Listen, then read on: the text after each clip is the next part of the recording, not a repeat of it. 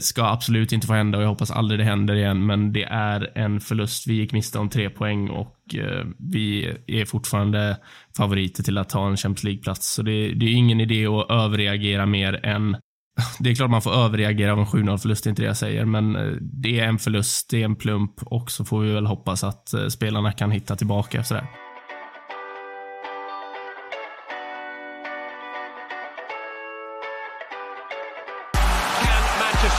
Score. They always score. Rooney! Oh, wonderful! It's Berbatov! It's brilliant! Marcus Rashford! Oh, glorious! That is a special one!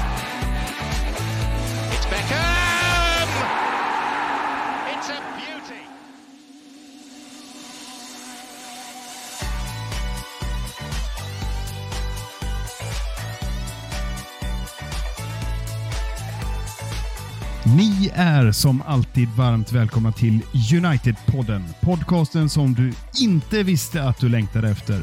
United-podden görs i ett stolt samarbete med både den officiella supporterklubben MUS och United-redaktionen på Svenska fans.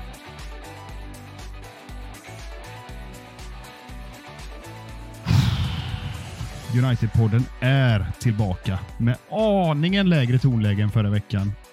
Och Det kanske inte är så jävla konstigt eftersom vi i söndags tvingades bevittna århundradets haveri. Och precis som med alla trauman så är det viktigt att orka prata om det. Därför känns det ganska naturligt att välkomna doktor Marcus Eriksson till veckans avsnitt. Eh, Dr. Eriksson, ditt specialistområde är anger management, men innan du kommer med verktyg till lyssnarna som jag tror många behöver, så får du gärna berätta om dina egna strategier för att undvika de här humörsvängningarna som ja, ett djupt trauma som detta innebär.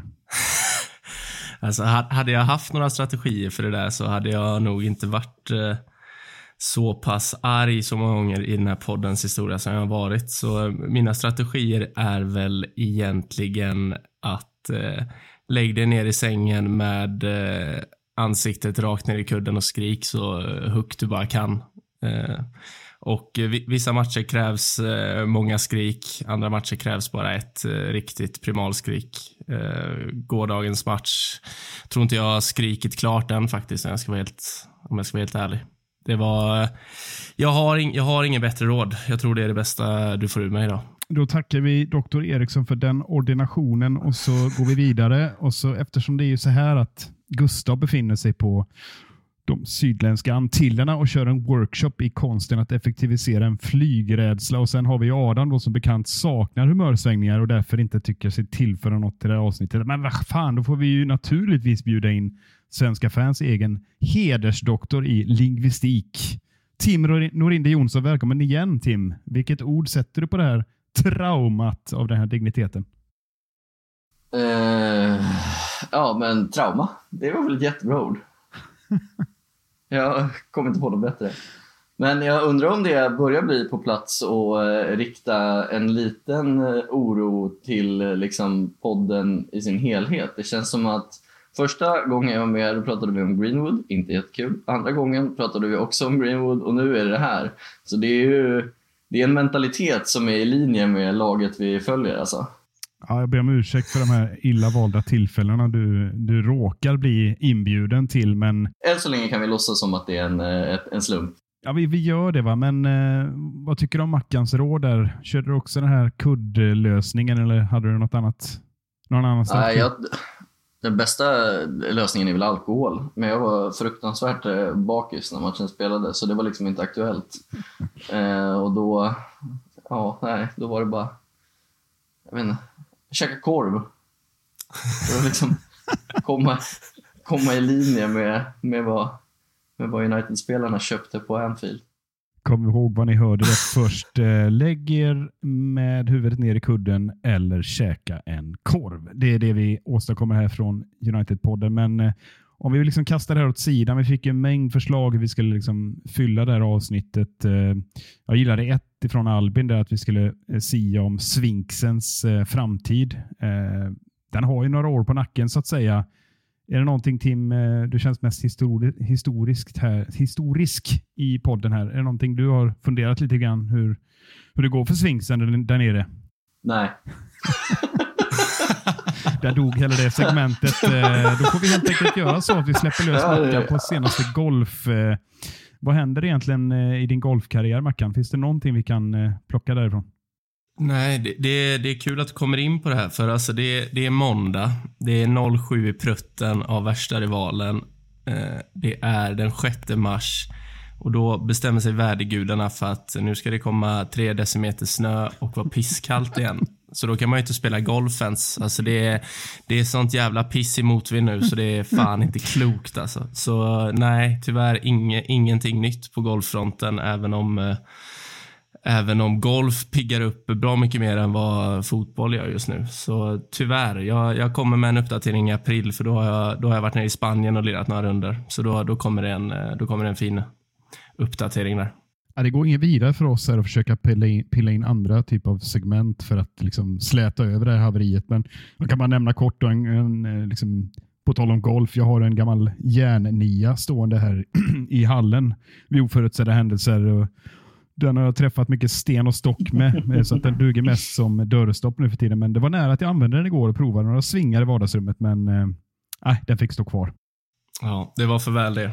Med det sagt så tycker jag att eh, vi spiller ingen tid utan vi eh, tar ett djupt andetag och eh, tar oss an haveriet på Anfield.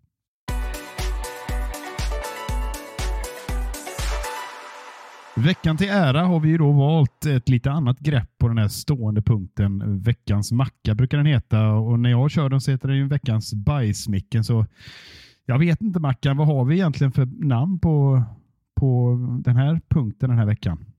Eh, Det är väl bara att slå ihop dem båda och köra en veckans bajsmickemacka. Eh, och så får vi väl se var den landar någonstans. Det, det känns ju rent spontant. Jag, jag ska inte ljuga. Jag har eh, inte förberett någonting här egentligen, så den kan ju landa var som helst och det känns ju som att en veckans bajsmickemacka kan göra det. Så eh, det känns passande på alla sätt. Ja, men det här är ju spännande Tim, för du vet ju hur det brukar låta när Mackan drar igång sin elektriska motorsåg och han dessutom blandar in Jajamän. En touch av, av eh, min liksom, bajsmickepunkt. Så, ja, jag är också lite orolig vad det här tar oss, men behöver du lite stöttning här för att komma igång Mackan, eller känner du att du ändå har funderat några sekunder nu? Ja, men fan, jag, jag tar gärna lite stöttning. Är det någon som känner sig manad att bolla upp mig så kan jag smasha in den på volley sen. Då tänker jag att du får eh, de eh, tre mest ansvariga i bortalaget för det här enorma haveriet. Trots att vi kan ju säga då, som säkerligen alla håller med om, att det är ju ingen som kommer undan med något, eh, något vidare hedersbetyg, men eh, man måste ändå trots allt eh, ransaka sig själv och även ransaka Uniteds spelare. Så jag serverar dig här en topp tre-lista på de tre som eh, behöver höja sig allra mest. Varsågod. Okej, då ska vi se. Jag inleder med eh, att ge ut veckans bajsmickemacka nummer ett till eh, vår, eh, vår kära kapten Bruno Fernandes som eh, han tillbringar väl eh, mestadels av tiden på plan igår med att eh, gestikulera mot eh, medspelare, motspelare, domare. Han med en liten knuff där på linjedomaren också i slutet. Eh, någon fin eftersläng eh, och såg väl... Eh, alltså jag tyckte att jag såg... Eller jag, jag såg förmodligen väldigt arg och frustrerad ut i soffan, men eh, inte i närheten så som Bruno Fernandes såg ut på planen. Eh, så leder man inte ett lag oavsett hur skit det går, så han får sig en, eh, han får sig en slev avföring då på mackan av mig. Vad säger du om det När bajsmackan träffar fläkten. Håller du med, håller du med Tim? Eller? Ja, 100 procent. Han slutar ju spela. Eh, det, jag har aldrig sett något liknande i en United-tröja. Och då har vi ändå varit med om ganska mycket genom åren. Det är, och så är det som att han liksom försöker medvetet se mer och mer förtvivlad ut. Alltså han rufsar till håret och ja, men ger upp i löpningar. Det, det är som att han försöker köpa sympati för någonting som bara är hans eget fel. Mm. Och på det, eh, det har cirkulerat lite grann lite klipp att han vädjade att bli utbytt med någon, någon uppgiven gest där efter avspark efter ja, eh, något av eh, de hysteriskt många baklängesmålen. Var det någonting ni snappade upp och, och eh, är, det, är det någonting ni tycker att man eh, bör syssla med som kapten? Att eh, signalera byte till bänken, om det nu, om det nu stämmer. Alltså, det, jag bör inte uttala mig här, för det är som att kasta den största stenen i glashus. Eh, kan eh, bara få pigga upp lite här med en eh, personlig anekdot och så eh, spelar jag för IK Kongahälla. Och eh, jag tror det är, det är alltså under sommaruppehållet 2017 tror jag det är. Vi spelar i div, division 3, ska möta Grebbestad som spelar division 1. Eh, och i minut eh, 57, tror jag, så ligger vi under med 11-0. Eh, och eh, jag är högerback då och eh, vänsterytten har väl sprungit åtter omkring mig hela matchen. Och jag är väl då en av de mer äldre spelarna i laget. Och jag stod och, jag, jag, tror jag vädjade till min tränare om att bli utbytt ja, men tio gånger innan minut 57 liksom blir inte utbytt och då, då svarar jag med att ja men istället för att spela fotboll så försökte jag spela så mycket jag kunde på eh, vänsteryttens ben istället. Så jag, jag, kan känna igen mig i Bruno Fernandes, eh, alltså, jag vet, jag, vet, inte ens vad man ska kalla det. Ilska, uppgivenhet. Eh, jag, jag kan fan köpa det lite. Stå i minut 86, det står 7-0 vad fan ska man göra liksom? Sen behöver man väl inte signalera för byte så uppenbart, men jag, jag kan ändå förstå den känslan.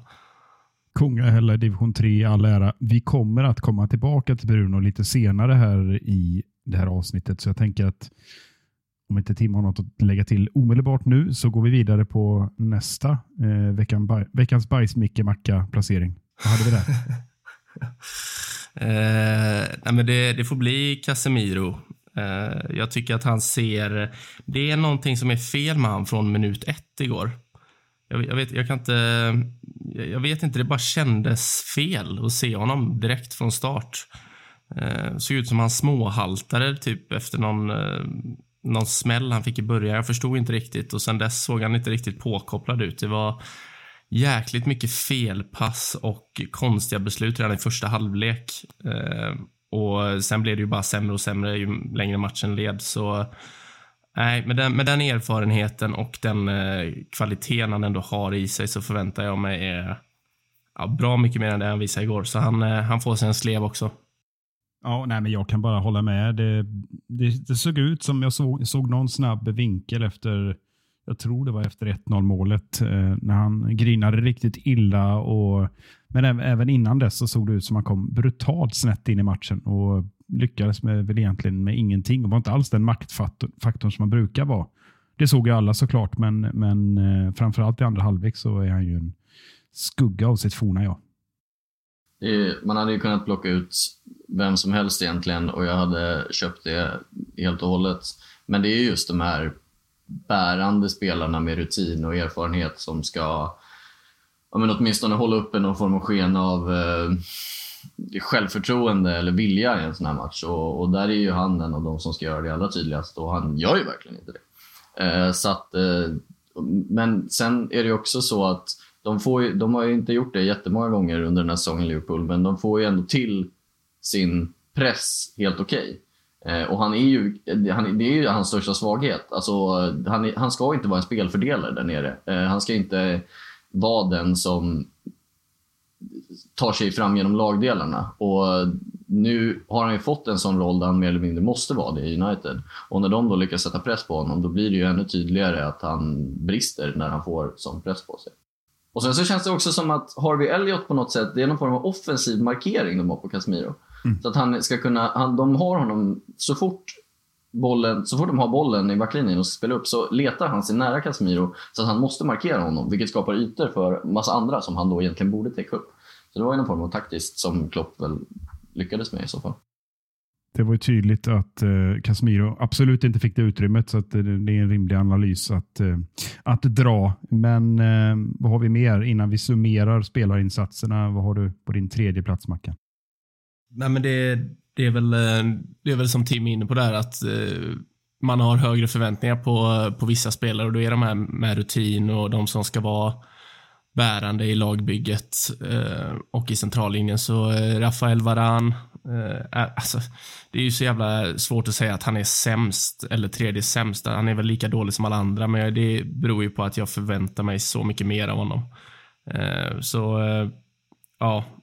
Jag, jag, tycker att han är ute och seglar redan vid första målet. Jag vet inte riktigt vad han håller på med där. Det det är liksom, ja, Gakpo gör det bra. Han, han tar en touch in i banan och Varann åker skridskor och är helt borta ur situationen. Eh, så Ja, jag, jag, tycker, jag tycker det var dåligt redan där och det blev inte bättre. Så ehm, nej, Baran, Casemiro och Bruno får sig varsin, varsin slev och de andra åtta eller tio eller hur många det var som spelar får sig också en, en slev, men en lite mindre då. Ja, jag, jag har min bild klar, men eh, Tim, vad säger du? Eh, hur, hur placerar du de här tre jämfört med resterande som dök upp på Anfield? För det var det de gjorde egentligen. Ja, om ens det. Eh, fysiskt i alla fall. Men nej, jag tycker, eh, jag tycker det är väl rätt, men jag tycker att Luke Shaw, det är ju konstigt att inte han letar sig in på eh, bajs-Micke-Mackan här. Han, alltså jag skrev till några polare i första halvlek och tyckte att han, som han har varit mycket, många matcher de senaste den senaste tiden hur bra som helst. Och han är ju hur bra som helst. Men andra halvlek igår är, alltså han är också en av de här spelarna som man ändå har kommit att förvänta sig en viss nivå av. Och han är, han är så dålig. Alltså han är ju delaktig i, åtminstone, högst delaktig i åtminstone hälften av målen. Um, jag fattar inte vad som händer. Jag fattar inte vad som händer överhuvudtaget, men jag fattar framförallt inte vad som händer med honom. Nej, och det... Man, tyvärr, jag satt och kikade på de här målen igen här idag och vi pratade om det också kort här tidigare, men, men eh, innan vi spelade in. Men om man tittar på målen så är det inte jättemånga mål som man känner att eh, ja, men här gör Liverpool det helt fantastiskt. Oj, oj, oj, inte hänger med. Eh, jag skulle vilja säga Gakpos bägge mål. Även om du är inne på att Varan åker skridskor på, på första målet så är det en fantastisk touch. Han tar med sig bollen även om han får en ocean av ytor av både Dalot som är ute och seglar och Fred som har ett märkligt positionsspel som ska gå ner och täcka upp för Dalot. Men och även andra målet han gör, alltså 3-0 målet då när Martinez får sig en ordentlig åktur av Sala med en lysande passning fram av Sala och sen läcker chip får vi ändå ge det. Utöver det, kan någon av er förklara de andra målen? Nej. Det, jag måste säga att även om jag tycker att Shaw eh, är absolut bland de sämsta. Jag tycker ju att eh, alltså den första halvleken är inte bra från United. Jag tycker att den är okej okay på sin höjd. Där en del spelare gör godkända insatser. Men jag tycker att eh, jag vet inte vad som har hänt med Diogo Dalot sen VM-uppehållet. Jag tycker att han är ganska konsekvent eh, dålig. Eh, och jag, jag, jag, vet inte om, om det är att han hade någon slags eh, formtopp under hösten. Eh, där han presterar bättre än vad han ja, är kapabel till just nu. Eh, men det känns som att han är nere i ett sånt hål. Och vi, vi har snackat om att han är, han är bättre offensivt än Wan-Bissaka. Jag tycker typ inte att han är det. Jag tycker att hans eh, passningsspel oftare än Eh, Eh, att det oftare är sämre än vad det bör vara på den här nivån. Jag tycker att han sprider bollar omkring sig som eh, ja, men nästan ingen annan. Eh, jag tycker att han överlappar alldeles för dåligt. Jag tycker han jag tycker han försvinner så jävla ofta. Så hade det varit någon som fick den tredje bajsmackan, bajsmackan utöver varann så är det Dalot och med det sagt så säger vi att 1-0 målet är det, det, är bra gjort av Liverpool, fine, jag, jag, kan köpa det, men allt inleds ju med att eh, Dalot går upp i en sån här, som vi har varit inne på innan, Lindelöf-press, där man ja, är där, exakt. men man är inte där. Eh, det, det, är alltså en passning så är Robertson i stort sett helt fri på i mitten av i planhalva. Eh, han har inte gjort något speciellt. Han har gjort en, han har gjort en passningsfint och Dalot är fem meter ifrån honom och går bort sig och tvingar Fred ut på högerbacken där Fred inte ska vara. Eh, och då, då blir det skevt liksom. Eh, och eh, jag, jag, kan inte, jag kan inte fortsätta sitta och typ hylla Dalot som vi har gjort så mycket, för jag tycker att han gör väldigt mycket konstigt nu, även när vi spelar bra. Eh, så ja, det var väl inte svar på frågan. Jag ville bara få det sagt kring Dalot. Mm. Det var ju många som undrade varför inte Van Bissaka startade för det första och eh, möjligen inte kom in. Eh, det kan man ha åsikter om. Ja, nej, jag, jag, jag, jag, säger inte att jag tycker att Wan-Bissaka definitivt ska gå före, men jag tycker att Dalot bör ju höja sig rejält. Alltså, det, det är för mycket dåliga prestationer av honom just nu och eh, jag vet inte om det sprider lite osäkerhet kring ytten också, även om Antoni inte var... Antoni gjorde väl ingen kanoninsats heller, men den högerkanten eh, den är inte, den är inte vass nu alltså med Dalot och Antoni och jag tror att ha en Dalot i den här formen bakom sig ger inte så jäkla mycket eh, frihet och eh, självförtroende som det, som det ska göra heller. Om man tittar på lite ljusglimtar då så tänkte jag precis säga att Anthony var väl helt okej okay i första halvlek, men vad han gör in, eh, innan Salas sinnessjuka 4-0 mål kan man ju fundera en stund över. Eh, stå och trixa lite och försöka showboata lite eh, när Liverpool håller på att ställa om efter en hörna.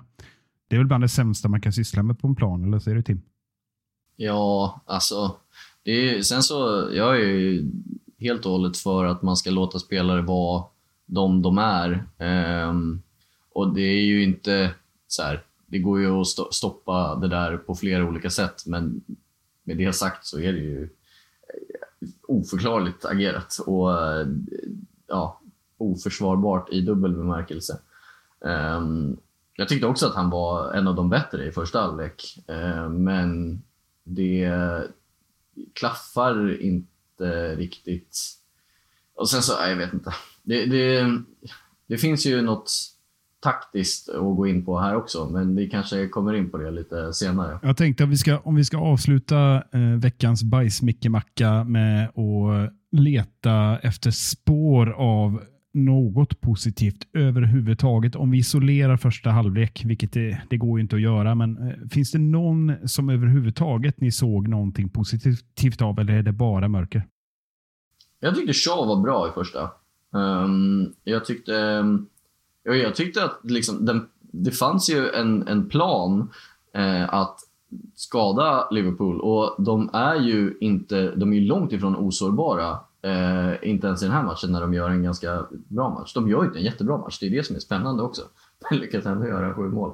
Men eh, de, alltså det fanns stora ytor att utnyttja och den, den taktiska uppställ, uppställningen som vi gick på, även om den inte var felfri så verkade det ju funka helt okej. Okay. Eh, och det är ju Ten Hags förtjänst i små, eller i den största månen. Så att eh, jag tycker matchplanen var okej, okay, kanske till och med bra. Um, och de, sen var det väl ingen individuell spelare som sken i den heller, förutom möjligtvis Shaw tyckte jag kanske, och i viss mån Anthony. Så att, uh, ja, det är väl för det är ju, Alltså, det händer ju efter halvtid. Ten Hag kan inte gå in och bara så här, ta en timeout och försöka stoppa det. Eh, så att, ja, det, om det är någonting att vara positiv över så är det väl att han gjorde vad han kunde. Jag, jag, jag, jag tycker att en sak är fel. Jag, jag kan förstå syftet med att spela Rashford centralt. Eh, vill kunna utnyttja Liverpools eh, höga backlinje, men när du har världens formstarkaste spelare i ditt lag. Eh, och han, han är fortfarande som bäst ute till vänster. Och han ska då ställas mot en Trent Alexander-Arnold som är en eh, fantastisk fotbollsspelare framåt, eh, medioker försvarare. Då tycker jag att det finns någonting att utnyttja där. Då, eh, ja, jag, tycker att Weghorst bör ha startat centralt eh, med Rashford på en vänsterkant, en Bruno i en tia och Anthony på den andra kanten. För då kan vi hota. Vi behöver inte hota med eh, centrala anfallaren i djupet. Vi kan hota med Bruno i djupet, vi kan hota med Rashford i djupet och vi kan hota med Anton i djupet. Ja, eh, det är väl en efterhandskonstruktion så sett, men eh, det var någonting jag reagerade på direkt. Jag, jag tycker att vi borde ha utnyttjat den chansen vi ändå har där. Ja, men ska vi ta och titta lite på det taktiska? För det finns en hel del att säga där, men, men och jag bollar över till dig här Tim. Jag tänker trots liksom den här fantastiska formen efter VM. Vi har nybärgad, ti titel.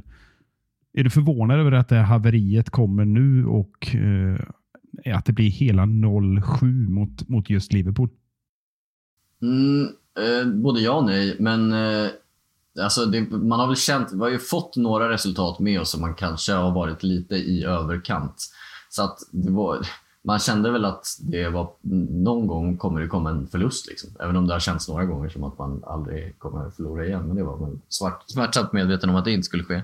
Men eh, Liverpool, alltså de tidigare säsongerna så har det varit en helt annan grej. Men just på sättet som Liverpool spelar och på sättet som United spelar just nu så tycker jag inte att det är förvånande alls att det kommer en, en tydlig förlust mot dem. Även om 7-0 alltså är ju också, det är ju överkant. De har väl åtta skott på mål, typ. Så att eh, det är ju, det är ju, och det är ju klart att det är chockerande. Alltså det ska ju inte få hända eh, överhuvudtaget. Men, eh, men rent taktiskt så, dels, och det är väl det här när det kommer till Dalot och Antoni också. Alltså, det är det här har uppmärksammats ganska mycket från eh, dels brittiska journalister men framförallt också den, eh, en av de bästa United-poddarna som finns, kanske den bästa på engelska i alla fall. Eh, Devils in the Details har pratat om eh, en, den här hybridpressen som United har. Att man pressar ganska högt med delar av laget men ytterbackarna stannar kvar. Och det har, blivit, det har varit så pass konsekvent så att det är ett medvetet val som Ten Hag verkar köra på. Varför han gör det går ju att ifrågasätta. Och, eh, även om, och det kanske finns fler anledningar, som att man inte har de spelartyperna man vill för att spela en högre linje. Eh, måste väl vara det tydligaste. Men när man gör det så innebär det också att det blir en stor yta mellan yttrarna och ytterbackarna. Eh, och när man, har, när man möter en motståndare som dels har en bra spelande målvakt, som vi ändå får ge Alisson att han är, och som dels har så mycket, för att då, man kommer alltid lämna, alltså de, blir ju undertaliga. För att, att lösa en fyrbackslinje med tre spelare i frontlinjen innebär ju att en av ytterbackarna kommer behöva pusha upp. Eh, och när ett lag har två, pass, två så pass skickliga ytterbackar i spelet, som de ändå har, plus Alisson då bakom, då, blir det ju, då kommer ju de hitta in i den ytorna. Och när de dessutom gör det Eh, och, inte liksom, och får lite tid på sig, då kommer det ju bli mycket enklare för dem att spela sig igenom vidare. Så att dels det och sen um, den här hybridpressen. Och sen så är det ju så att han har lyckats lösa ganska mycket än så länge, Tenag, men också på grund av att det saknas spelartyper, så det är fullt förståeligt i viss mån. Men vi är ju fortfarande ganska dåliga på att spela oss ur, eh, alltså i uppspelsfasen, spela oss ur första delen. Eh, på grund av liksom de Gea och eh, att man saknar en, en spelare bredvid Casemiro som kan ta sig framåt genom lagdelarna. Så att när Liverpool då dessutom får till den här pressen, då blir ju det ännu tydligare. Och de är ju, när de, när de är bra så är de ju ett av de bästa lagen i Europa på att pressa. Och de hade väl en helt okej dag i alla fall igår, bevisligen. Så att eh, de två faktorerna, dels den här hybridpressen som Ten Hag har och i sin tur då Liverpools press som är mycket bättre och ger United eh, Eh, mycket mindre tid i första tredjedelen, tror jag gör att det var verkligen inte konstigt att det kom en urladdning eh, mot just Liverpool. Tittar man på eh, den första halvleken så slogs i alla fall jag av hur dåliga Liverpool var och hur dåliga vi var på att utnyttja det. För då fick vi ju matchbilden, förutom de första tio minuterna, lite dit vi ville. Nämligen att det var Liverpool som skulle spela upp och Allison, eh, du berömde honom, eh, han, han slog en bra boll eh, ut till Robertson innan 1-0 målet här för mig. Men i övrigt så spred han ju en jävla massa bollar och eh, även Van Dijk såg svajig ut. och, och när de försökte spela upp genom mittfältet så kunde vi nypa dem i den där hybridpressen. Och jag tror det var, jag räknade till tre, fyra grymma omställningar när vi kom in bakom deras backlinje. Antoni tog någon löpning, Rashford hade någon, Weghorst eh, hade någon eh, boll när han, eh, när han kom utanför, framför backlinjen kunde peta in bakom. Vi hade en fyra, fem lägen att, att kanske till och med avgöra matchen i den första halvleken när Liverpool spelade hackigt mellan matchminut 11 och ja, innan målet. Då. Så, så det ser man ju liksom att hur nära det är att lyckats med den, med den planen. Men vi såg ju allt, allt för väl vad som händer när Liverpool avslöjade det. Och sen när de får göra sina, sina 2-3-0 eh, på omställningar. Alltså, alla vet ju hur bra Liverpool är när de får ligga på rulle, som det heter. Så att man kan väl säga så här att det var nära att lyckas, men eh, smärtsamt hemskt är det att se vad som händer när United kommer fel i sina, i sina block, i sin, i sin press. Liksom. Då blir vi så här avklädda av, av ett vasst Liverpool. Ja, om man, jag ska bara säga det om den här hybridpressen, att det är klart att den funkar. Alltså, och som man har satt upp den att fungera så har ju spelarna tagit sig an den och lyckats alltså, skada både Barca och var nära på att göra det mot Liverpool igår. Funkade mot City bra. Alltså det, den är ju bra när den funkar. Det är just att när, när de väl spelar sig förbi den så blir det så pass stora ytor så att frågan är om det är värt det. Och jag tror inte att det är tanken i långa loppet att det ska vara så här heller. Men just nu blir vi lidande av det när de väl kommer igenom den. Men sen är ju pressen bra ibland. Eller ofta.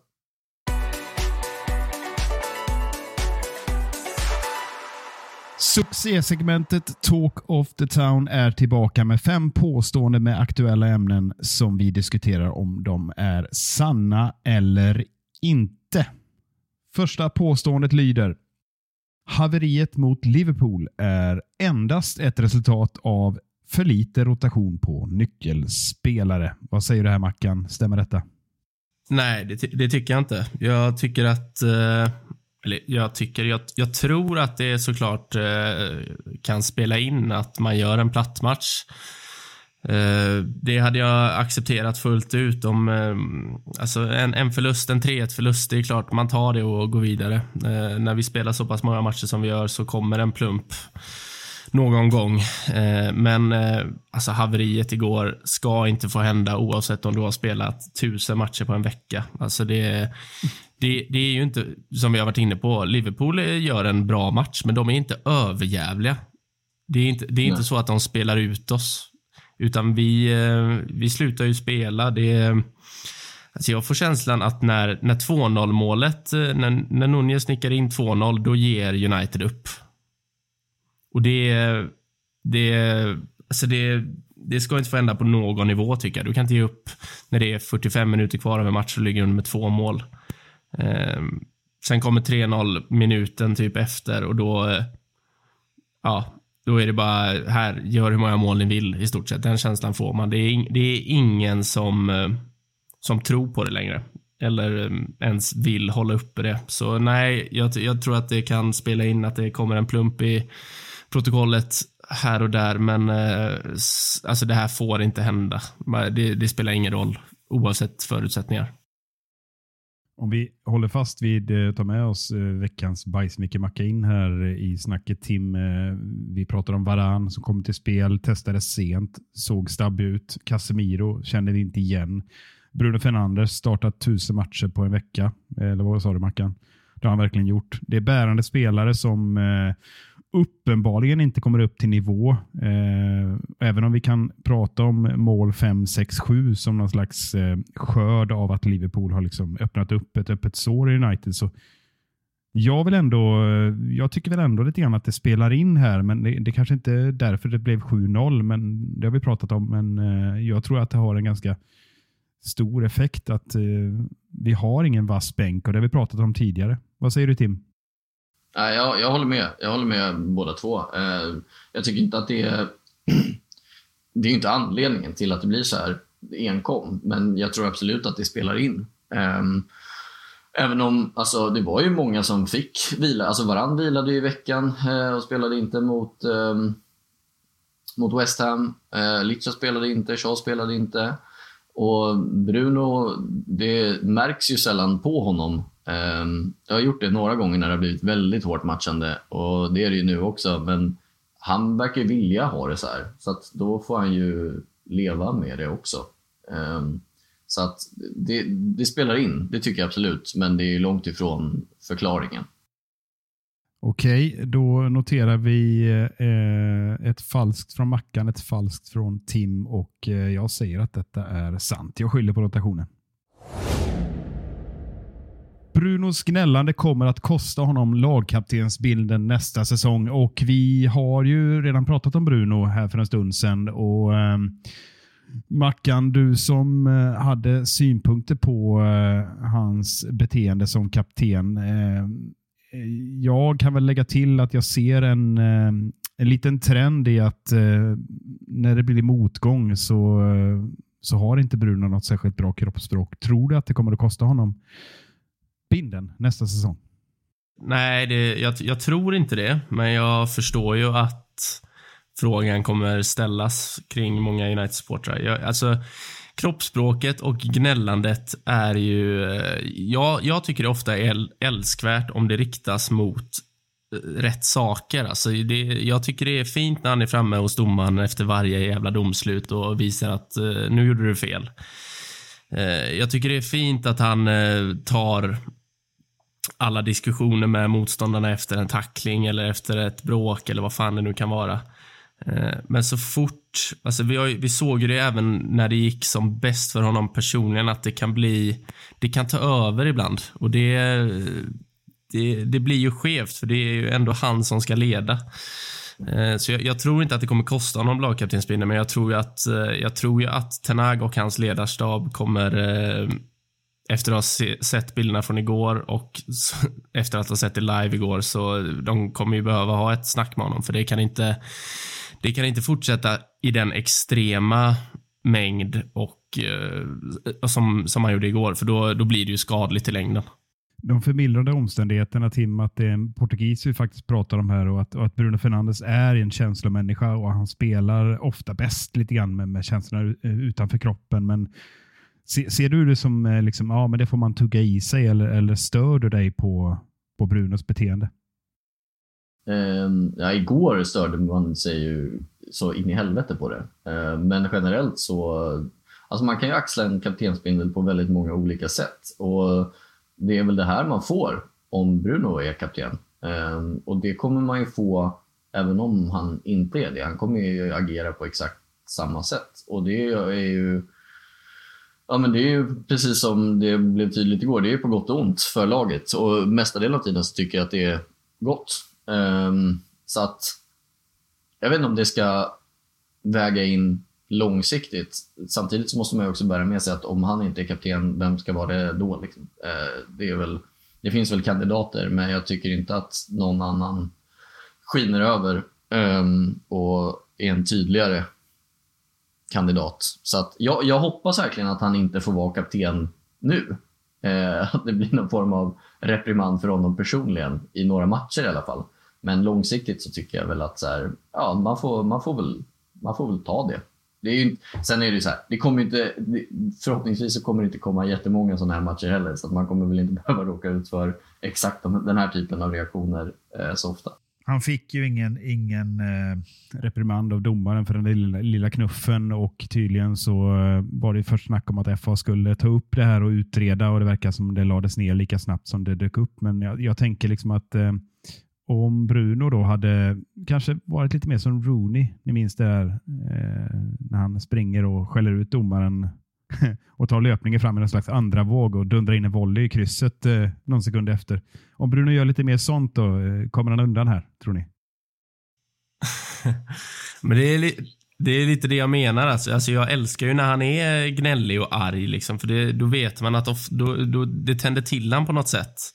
Men sen fattar jag, så här, det är väl skitsvårt att tagga till och eh, inte se frustrerad ut när man ligger under med 0-5 i minut 65. Liksom. Det, är jätt, det är jättesvårt. Det är, jag, jag tror inte många United-spelare hade burit binden med bravur igår. Så det, är- det är ju en extrem match och det är förmodligen väldigt mycket känslor för Bruno också där på planen. Och, eh, ja, då har han väl svårare att dölja dem än vad eh, någon annan kanske haft. Men eh, nej, jag, jag tycker att han, han ska få bära vår kaptensbindel även i framtiden. Vad säger du Tim? Ja, jag tycker också det. Och det här do, alltså, han ska ju fan inte ha någonting för den lilla touchen på domaren. Då har, vi, då har det gått för långt. Nej, vi, alltså. vi är ju faktiskt inte i SHL nu, för där, där får man inte göra någonting innan man blir avstängd. Fick vi in en hockeyreferens igen? Och by the way, jag eh, Vad tycker skönt också för dig, Micke. Bruno ska få behålla kaptensbindeln nästa säsong.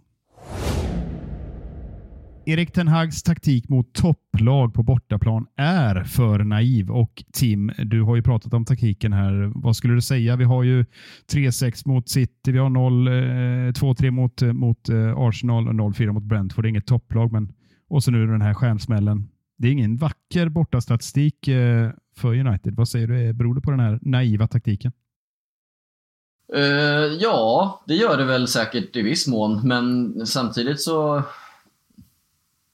Det är ju det här med kortsiktigt versus långsiktigt. Alltså, känner man att man...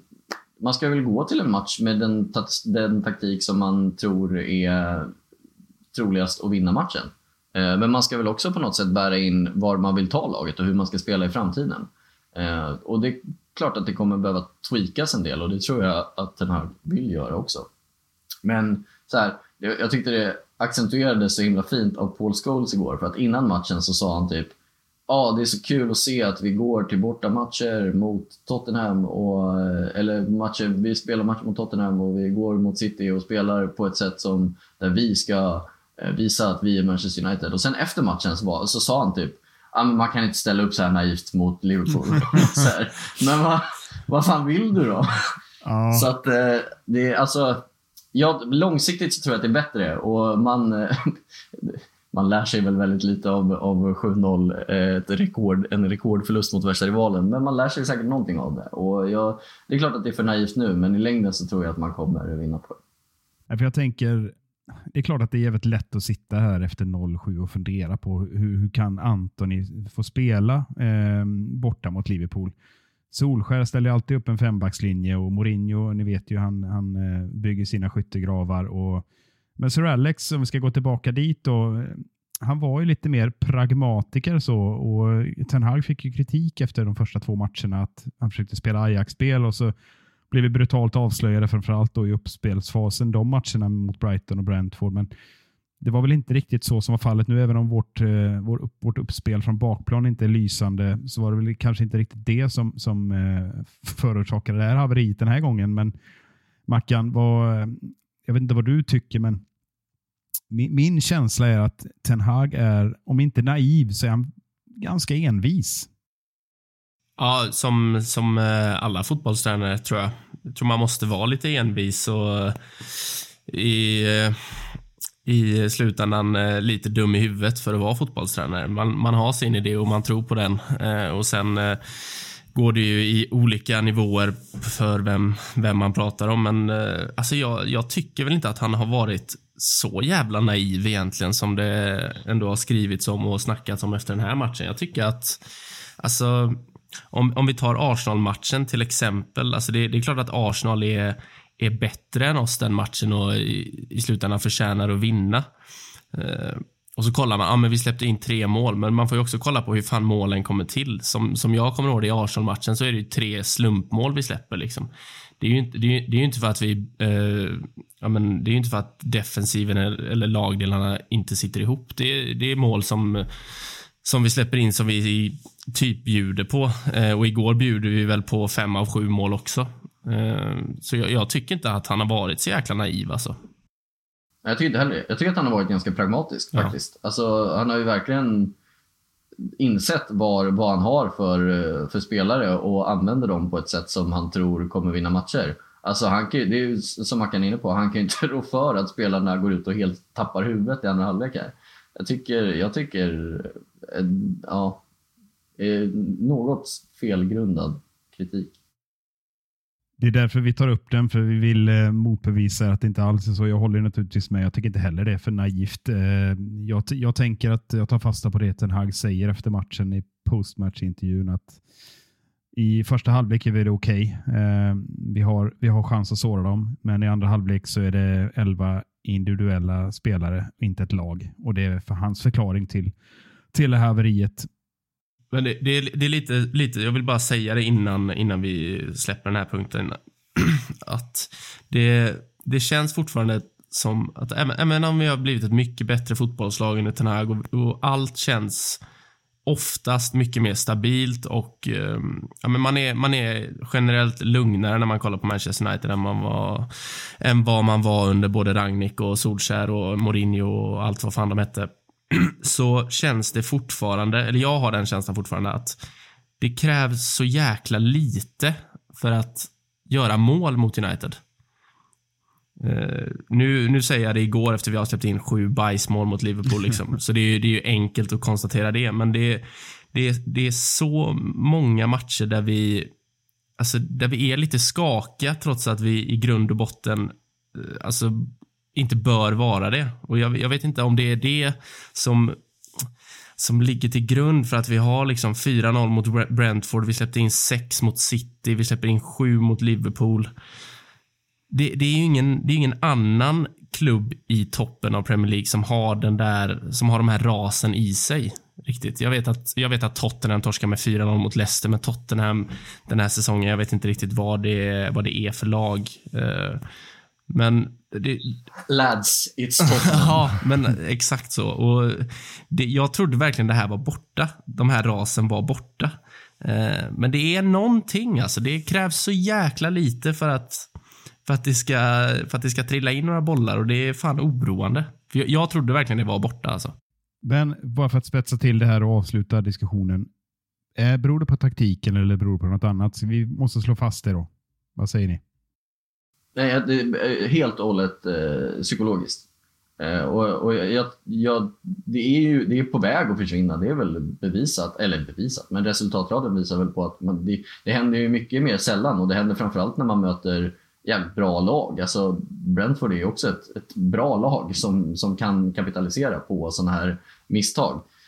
Um, men, och det, det, man ska komma ihåg är att trots de, de karaktärerna man har fått in i eh, Lisandro och Casemiro och i Antoni också, så är det fortfarande åtta spelare som har varit med om sju svåra år liksom, i den här startelvan. Alltså det, jag tror att det tar lång tid att, att, få bort det där helt och hållet och jag tror att det, det, det ligger nog mycket i de tuffa åren vi kommer ifrån. Att de, de, de är fortfarande oroliga när det börjar gå åt helvete. Jag tror, jag tror att det är helt och hållet psykologiskt. Jag håller med. Inte naiv med andra ord är beskedet från United-podden. Experter och tyckare älskar att håna United och vi United-supportrar lägger för mycket kraft på att bemöta dem. Och Det här är ett favoritämne som ni förstår. Det kommer från mig bara det här. Eh, jag tycker det är ändå läge att ta upp och, och aktualisera det här, den här lilla ankdammen vi befinner oss i på Twitter och ja, ni vet alla de här. Dels eh, panditsen där borta på öarna och sen har vi våra ja, profiler här på hemmaplan. Eh, och Jag kan komma på mig själv här och sitta och koka över på, på såna här hot takes-nissar som eh, inte missar ett enda läge att liksom trycka in det fast de inte har något investerat i, i United eller något annat lag för den delen. Utan det liksom blåser en skön liten vind att nu torskade United med 0-7 och nu ska vi göra allt vi kan för att håna detta. I alla fall jag påverkas och blir irriterad. Jag vet inte, hur har ni det där? Eh, alltså jag, jag, jag fattar ju det. Jag är typ likadan när Liverpool eh, Alltså jag har ju mått eh, jävligt bra under den här säsongen. Dels av, eh, framförallt på grund av United och Erik Ten Hag, men också lite på grund av Liverpools eh, kräftgång. Eh, så det är klart att jag kan köpa det och sen, alltså Manchester United, en av världens största klubbar, om inte den största. Det är klart att motståndarsupportrar gillar när det går eh, när det går trögt eller man får sig en käftsmäll. Så jag, jag kan väl förstå det. Eh, sen, sen, tycker jag väl att de här som sitter i tv-rutan ibland kan vara lite väl ja, men lite väl öppna med att, att de inte gillar United så mycket. Och det, det blir, ju, det blir ju lite skevt. Men, men eh, är vi, lägger vi för mycket kraft på dem? Tycker du, sån som jag, då, lägger för mycket tid och kraft på att bli irriterad på de här dårarna? Ja, det men, det, men det, det gör du Micke. Det är väl, eh, det är väl, eh, det är väl fakta. Liksom. Vi, vi har väl rantat om Ljungberg i den här podden ganska många gånger och även andra tyckare. Så lite, lite för mycket kraft lägger du, men det är också jäkligt älskvärt att du gör det. Ja. Jag, jag tycker om det. det är, det, det är någonting det också och jag kan, jag kan också göra det ibland. Jag kan ju också ilskna till. Eh, alltså typ Graham Souness är en sån som jag, så fort jag ser honom så blir jag lite, ja men alltså så här, inte arg, arg är fel ord. Jag sitter och blir, eh, ja men typ, eh, alltså bara, eh, upphetsad inte, inte, inte upphetsad på den eh, nivån, men så här typ bubblar upp. Och, alltså ilska och typ bara frågan hur fan kan den tjommen få sitta i en tv-ruta? Alltså vad, för att han var en eh, fotbollsspelare på 70-talet som eh, sparkade med på benen boll och uppenbart sitter och typ bara berömmer Liverpool och sågar United och så ska han få tv-tid.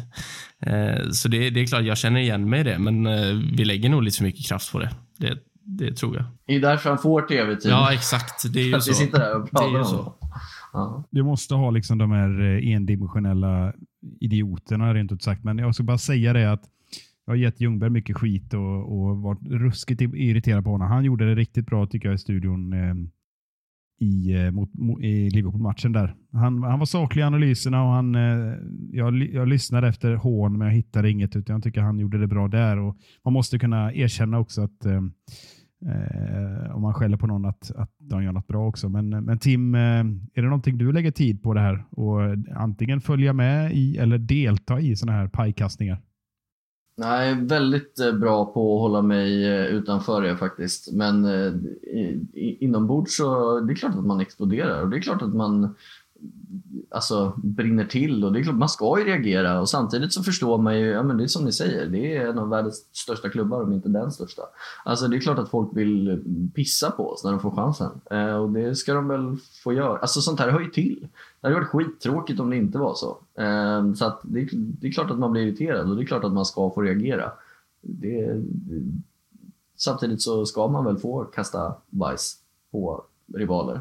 Jag, jag tycker det är helt i sin ordning om man är Liverpool-supporter och, och eh, att håna lite nu i det här läget. eh, Absolut, men jag har väldigt svårt för de här så kallade neutrala som sitter med sina hipsterlag i Italien och plötsligt så, så blir det väldigt intressant med Premier League. Eh, Inga namn nämnda. Jag tror ni alla eh, vet vilka jag pratar om här, men jag har extremt svårt för dem som, ja, ah, nu blåste den här vinden, nu ska vi in och skriva något eh, käckt om Ten Hags morgonmöte. Nej, det, det där eh, har jag svårt för, men eh, jag välkomnar hån från eh, Liverpool och det ska vi fan ha efter 0-7. Storförlusten blir ödesdiger och United hamnar utanför Champions League-plats och åker ur resterande turneringar. Ett nattsvart påstående efter 0-7, men vad, vad säger du Tim? Är det det som kommer hända nu? Det är klart att det inte är det som kommer hända. det, är, mm, det här är ju det är ett freak. Alltså det är ett freak-resultat, det är en freak-match. Det, är, det finns ju så mycket som talar för att det här bara är liksom temporärt. Alltså det, det är ju väldigt lätt, som, som, precis som vi var inne på under förra punkten, det är ju väldigt lätt att ha hot takes och det är väldigt lätt att dra för stora växlar av en sån här insats. Och i viss mån så är det klart att det är helt naturligt, men från Uniteds supportrars sida som blossar upp det här och tycker att eh, eh Lisandro Martinez är överskattad och ja, men, allt är skit och eh, Dalot ska hängas eller så. Han var, han var, jag håller med Mackan, han, var, han har varit svag sen VM. Men det, det, blir, det blir så himla förstorat. Alltså det, det, det är lugnt. Jag är också obotlig optimist, det har jag alltid varit. Men jag, jag, det är lugnt. Ta det lugnt. Kommer, kommer jag den eviga pessimisten.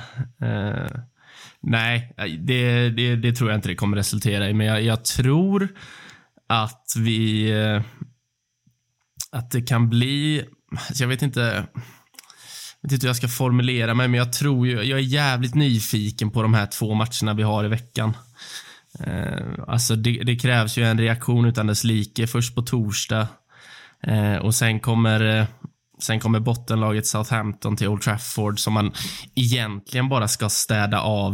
Eh, så det, jag, jag, tror att, jag tror att de här två matcherna kommer säga mycket kring hur det kommer gå.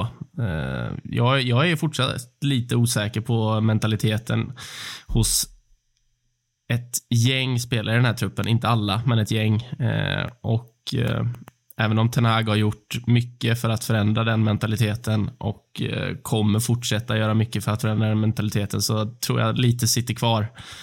Eh, så jag tror, jag, tror inte att det kom, jag tror inte att vi kommer missa Champions League-spel och jag tror inte att vi kommer direkt åka ur båda kupperna men jag, jag är inte lika optimistisk som Tim. Jag tror det kanske kan ta, kan ta ett tag att vända och glömma den här insatsen för några av spelarna.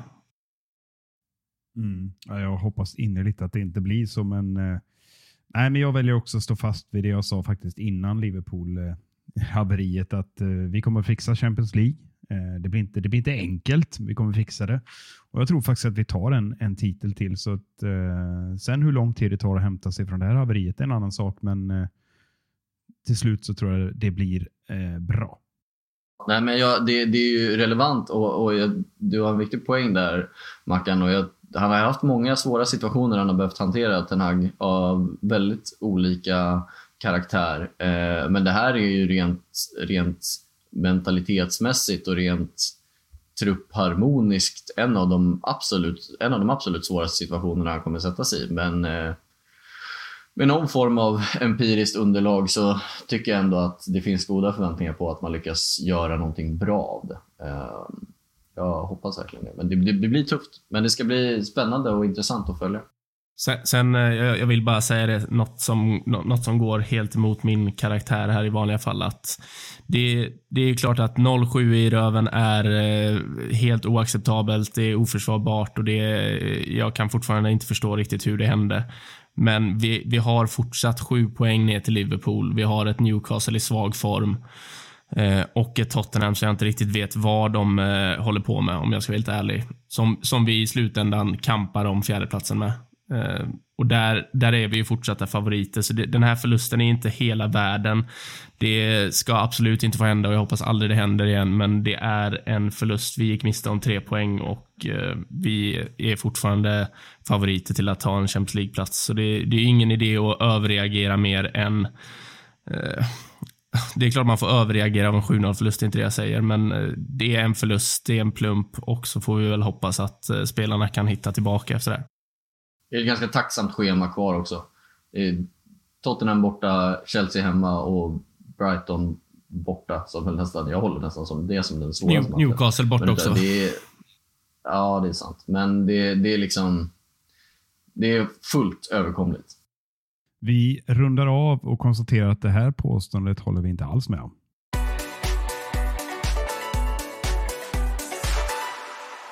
Härnäst väntar Real Betis hemma på Old Trafford i den första åttondelen i, i Europa League, som du brukar säga Mackan. På torsdag klockan 21.00 smäller det. Eh, visst har du förberett en liten snabb motståndarkoll?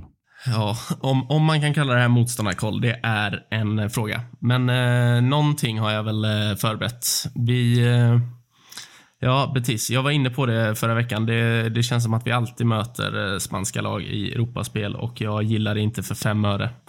Eh, Betis, femma i La Liga. Eh, vi mötte dem ju nu i, i vintras också. I någon eh, halvluddig träningsmatch. Det är väl, eh, alltså jag, jag ska inte ljuga, jag har inte kollat historik, men jag eh, går på känslan nu. Det måste vara första gången vi möter dem på 2000-talet. Enda gången menar jag. Ja, ni nickar och håller med, så det, det var en bra känsla av mig känner. Eh, nej men vad kan man säga? Eh, de, eh, ja, femma i La Liga som sagt. Eh, kommer nu från fyra matcher utan förlust. Spelade 0-0 mot Real Madrid igår, eh, vilket jag inte vet säger... Alltså, det säger väl inte jättemycket egentligen. Eh, Real Madrid har väl varit lite halvsvajiga. Eh, men det, de släpper inte in mycket mål. Har duktiga offensiva spelare i bland annat Sergio Canales som är, jag tycker är en jäkligt duktig fotbollsspelare. Eh, så jag tror, jag tror det blir tufft alltså. Jag tror att det här blir ett tufft dubbelmöte. Eh, och det baserar jag väl enbart på känsla egentligen. Men eh, Betis är ett duktigt lag och jag tror att det är lätt för United-fans att underskatta dem. Jag, jag tror att det kommer bli två, två tuffa möten och eh, United kommer behöva ha laddat om rejält för att få med sig ett bra resultat på torsdag. Tror jag. Så det var... Motståndarkoll är väl starkt, men det var en liten koll härifrån i alla fall. Det tycker jag är utmärkt. Tim, eh, den första matchen på hemmaplan brukar ju kännas sådär. Man vill inte åka ner med ett dåligt resultat. Och Då kommer en eh, 10 000 kronors fråga här. Eh, hur viktigt är det att vinna den första matchen? Ja, nej, det är klart. Det är jätteviktigt. Vi måste åka dit. Det, vi får inte underskatta dem. Det handlar om att vara på tå från början. Nej. Nej, men det är, det är ett spännande lag. Och det där mittlåset de har framför backlinjen med William Carvalho och Guido Rodriguez som väl småryktades lite till United i somras om jag inte minns helt fel. Det är, det är farligt. Um, så att det, ehm, det, det är ju viktigt att åka dit. Eller och, och få med sig ett bra resultat hemifrån. Men um, det tror jag att man lyckas med också. Men eftersom att jag är obotlig optimist och säger att det behöver komma. Alltså, allt annat än 7-0 i det här dubbelmötet i rätt favör är, är underkänt. Så att, eh, vi, jag säger att det blir minst, eh, vi gör minst tre på hemmaplan. Ja, det var en bra övergång eh, till tippningen här. Då, då säger du alltså tre vad då till United? Jag säger fyr- 4-1. 4-1. Vad säger du Mackan? Eh, Jag säger eh, 2-0 United. Då säger jag 2-1 United. Vi hamnar i underläge igen och alla tänker att nu är det Rangnick-dags igen. Men eh, icke sa Nicke, utan eh, United vänder och vinner hemmamöte med 2-1. Åker ändå ner med en besvärlig eh, situation. Får vi se om det räcker. Men då tar vi sats istället mot söndagen och mötet med Southampton på Old Trafford. Avspark 15.00. Eh, plötsligt känns alla matcher som potentiella minor som vi är inne på. Mackan, eh, behöver vi oroa oss för Soton och eh, vad har du på dem till oss? Ja, alltså det här är nog det laget jag har eh, svårast att förstå mig på i Premier League den här säsongen. Eh, så har väl i grund och botten ett ganska bra lag skulle jag ändå säga. Eh, med en jävla spets i Ward Prowse som eh, ja, men gör mål på allting när bollen ligger still. Eh, förutom straff. Ja, förutom straff då ska sägas. Precis. eh, nej, men de, de slår Chelsea. Eh, ser, det är väl ganska mycket flax i den matchen. Eh, och Sen åker de till Grimsby och eh, åker ur. Eh, och sen studsar man tillbaka genom att slå Leicester, som kanske inte heller är jättesvårt. Eh, men man, man, jag har ingen aning om vart jag har dem och det är väl det som är jäkligt lurigt alltså. Så nej, jag, jag vet inte hur jag ska... Alltså det är svårt att beskriva Southampton säsongen 2022-2023. Eh, men eh, ja, det, det jag alltid oroar mig för när vi möter dem, det är ju James Ward-Prowse eh, och fasta situationer. Eh, det, det är en helt otrolig fot han har eh, som kan hota vilket lag som helst. Eh, när som helst. Det är, oavsett om det är inläggsfrisparkar, hörner, frisparkar på mål. Det, det känns som att det blir farligt 75 procent av gångerna så blir det målchans när Ward Prowse tar en fast situation. Det är känslan. Eh, sen har de väl några duktiga spelare. De har den här argentinan som kom in ur mål senast. Eh, startat två matcher och två mål. Eh, sen är det väl en backlinje som inte osar eh, klass. Det känns ju som att om, om vi är på tårna eh, och eh, spelsugna så bör det kunna resultera i minst tre mål framåt. Så nej, det vi ska oroa oss för är dra inte på oss onödiga fasta och håll koll på håll koll på Ward Prowse. Det, det är det enda jag har att säga om Southampton egentligen. För det är det enda jag kan vara säker på. Vill du lägga till någonting Tim om Soton? Nej, det, det, ett av de, alltså det känns ju som att många av deras bästa spelare är fortfarande, förutom Ward Prowse, eh, som väl inte är jättebra. Förutom den här otroliga styrkan han har på fasta. Eh, men de är väldigt unga spelare. Alltså Romeo Lavia är ju jäkligt spännande. Bella Kotschap där i backlinjen verkar ju också vara jäkligt bra. Men det är ju, när man ska bygga en centrallinje på så pass unga spelare så blir det ju, som det har blivit för dem, väldigt eh, knepigt. Eh, och så länge man får till en ordinarie nivå i spelet så tror jag inte att det ska vara några problem. Men det är ju verkligen så, man blir ju orolig för allt just nu. Men eh, nej, det ska inte vara några problem. Och eh, Hur tror du då Tim eh, med Europamatch här i veckan? Hur tror du Ten Hag väljer att formera laget? Eh, ja, du får välja själv hur du vill lägga upp det här eh, i vilken ordning. Eh, tror du det blir två helt olika lag eh, på torsdag och söndag eller vad, vad tror du? Alltså jag hopp, han kan ju liksom inte straffa dem genom att, genom att få dem att springa en massa runder på träningsplanen nu. Så jag hoppas nästan att han straffar dem genom att bara låta dem spela. Och är de inte bra så river man kontraktet eller någonting. Eh, nej, jag hoppas på en oförändrad elva från igår på torsdag. Eh, och sen så kanske man kan rotera lite mer mot Southampton. Eh, men ehm, Ja, ja nej men jag tror fan mer på det. Jag tror att man prioriterar den första matchen mot Betis mer än vad man eh, prioriterar eh, Southampton faktiskt. Eh, och det tycker jag nog kanske att man gör rätt i också. Om man nu ser på varje turnering och varje match som någonting som man ska vinna, vilket Ten Hag ju gör. Det vet vi väl. Så att ehm, viss Viss, kanske någon rotation på torsdag. Skulle inte förvåna mig om Malaysia kommer in som väl en av de få han litar på. Och kanske att Sancho får plats på något sätt eh, längst fram. Um, och så... Um, ja, ganska liknande mot Southampton också tror jag. Det är, det är ju en tunn trupp. Liksom. Sabitzer lär ju komma in och starta någon match. Vad tror du Mackan? Nej, men jag håller väl med. Det är, alltså, truppbredd är ju obefintligt i United, så jag är inne på Tims spår. Fan, spela samma elva nu. Eh, visa att ni eh, har några ryggrader och kan, eh, faktiskt kan studsa tillbaka. Eh, sen, sen om jag kollar på vilka spelare jag vill se så hade jag gärna sett Sancho mot Betis, för jag tror att Betis kan ligga rätt lågt. Sancho är bättre eh, än Anthony på att hitta in med både passningar och löpningar bakom lågt stående försvar. Så jag vill ha in Sancho där. Eh, och sen, sen, vill jag ha ut Dalot. Alltså. Jag tycker att han är för dålig just nu. Jag tycker Wan-Bissaka är fan klasser bättre än honom just nu. Eh, och Det beror inte bara på att Wan-Bissaka har, har, varit bra, det beror på att jag tycker att Dalot har varit jävligt dålig.